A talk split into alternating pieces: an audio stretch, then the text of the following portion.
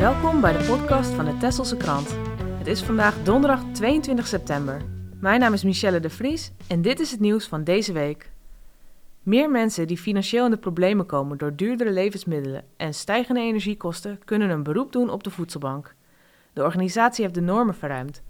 Een eenpersoonshuishouden kreeg eerder hulp als er minder dan 250 euro overbleef na aftrek van de vaste lasten. Nu is dat 300 euro. Voor elke extra persoon in het huishouden komt daar nog 110 euro bij. Wie in aanmerking denkt te komen, kan contact opnemen met Tessels Welzijn. Hoofdpijndossier Emmelaan. Zo noemde verantwoordelijke wethouder Kees Hooischuur het dossier. Afgelopen vrijdag werden de varianten om de weg te verbeteren publiek. Hooischuur praatte zelf de pers bij. Een van de varianten voldoet aan alle wensen van de gemeenteraad. Aparte voetpaden, aparte rijstroken en aparte fietspaden. In de Tesselse krant van dinsdag 19 september staat beeldmateriaal en leest u een uitgebreide toelichting. De definitieve beslissing wordt genomen in de raadsvergadering van 26 oktober. Het college stelt dan ook een aantal tijdelijke maatregelen voor. Er moeten verkeersdrempels komen en zuilen bij de zebrapaden, zoals de kleurrijke zuilen die bij de voormalige Jozefschool staan. Ook met 16 of 17 jaar heb je recht van spreken. Onder die titel diende GroenLinks, D66 en PvdA Pro Tessel gisteravond een motie in. Zij willen dat ook jongeren onder de 18 commissielid kunnen worden en in de raadzaal kunnen spreken.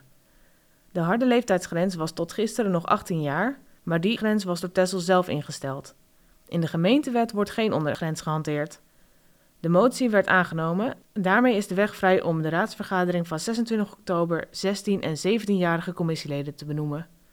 De eerste die benoemd wordt is Thomas van der Vlerk voor D66. Thomas is op dit moment 17 jaar. Hoe gaat het verder met het cultuurhuis op de plek van de Thijsenschool? Gisteren werd in de gemeenteraad gesproken over de stijgende bouwkosten. Onze verslaggever Jeroen van Hattem was erbij en praat ons bij. Ja, nou, er is besluit genomen over de bijstelling eh, van de kosten in, uh, over het cultuurcentrum. En het is uh, doorheen in de gemeenteraad. Dus alleen VVD, maar die zijn permanent tegen geweest uh, tegen het cultuurcentrum. Dus daar verandert eigenlijk niets? Dat is niet. En Hart voor Tessel, die waren ook tegen. Die hebben tegengestemd en de rest was uh, voor. Met wel de kanttekening dat Tessels Belang en ook D66 gaven aan dat ze graag een plafond willen zien in het budget. Kan ik me ook iets bij voorstellen, inderdaad. Ja, tot hier en niet verder, maar goed. Dat was Remco van de Belt, wethouder Remco van de Belt. Die is daar verantwoordelijk wethouder.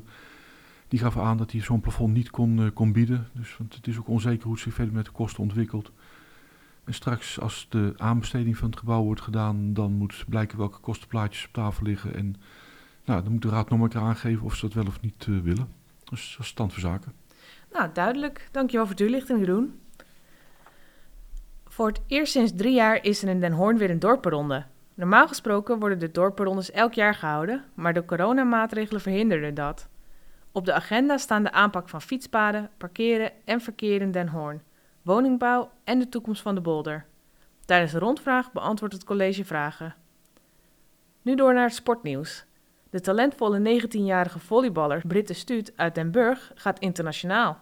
Ze gaat spelen voor de eredivisieclub Roter Raben in het Duitse Vilsbiburg.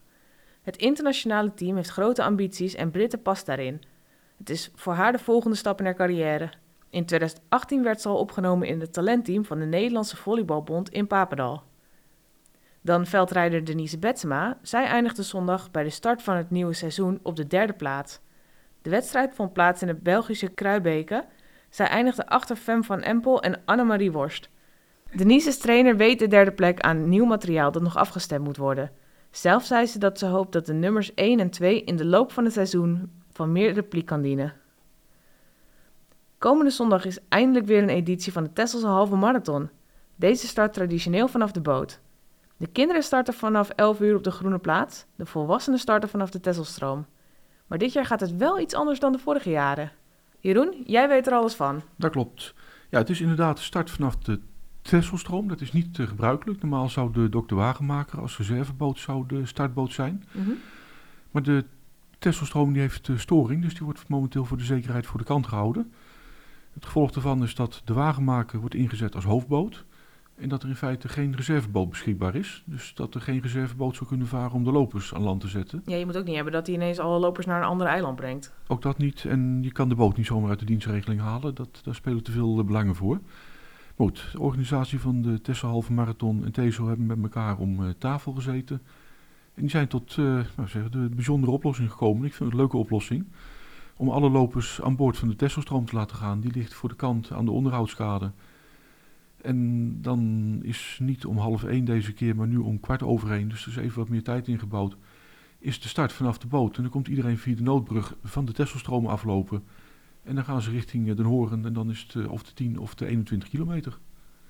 Nou, dan kunnen ze alsnog starten vanaf de boot. Hartstikke ja, leuk. Het wordt alleen niet gevaren. Dus je bent aan boord van de boot. En op een gegeven moment gaat de klep open. En dan is het uh, startschot en, uh, wegwezen. Nou, gewoon even ogen dicht en doen alsof. Daarom. En ik denk, ik heb er zelf ook wel eens tussen gestaan. Als je daar met een hoop mensen aan boord van die boot staat, dan heb je toch een beetje het gevoel alsof je op die, uh, nou, dezelfde soort start hebt. Je bent alleen niet aan het varen. Dat, ik denk dat ze lang blij zijn dat ze gewoon alsnog kunnen beginnen. Ik wil zeggen, want dat is juist leuk aan die ronde, dat, of aan, dat, aan, aan het evenement. Dat je start vanaf de boot en vervolgens dan loop je dat eiland op en dan, uh, dan loop je mooi over het eiland tot aan de groene plaats in een burg. Nou, top. Dan een vooruitblik naar de klant van morgen. Daarin leest u een gesprek tussen Cor van Heerwaarde en Anna Trap. Anna is zangeres, fotograaf en feministe en begon haar carrière in Cliff 12. Ze was toen nog maar 15 jaar oud, een verlegen meisje uit Oosterend. Anna deed de vooropleiding jazz en pop aan het conservatorium in Utrecht en vertrok voor twee jaar naar Zweden, het land waar haar moeder vandaan komt, om jazz en improvisatie te studeren. U kent haar wellicht van het prachtige nummer Skommelnacht.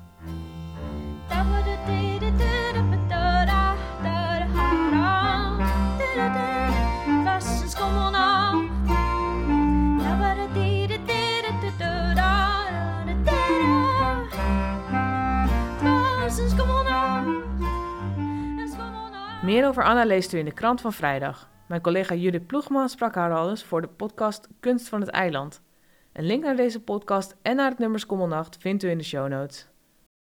De Tesselse krant verschijnt twee keer per week en staat steeds boordevol nieuws, reportages en achtergronden. Neem ook een abonnement op de lokale krant van Tessel.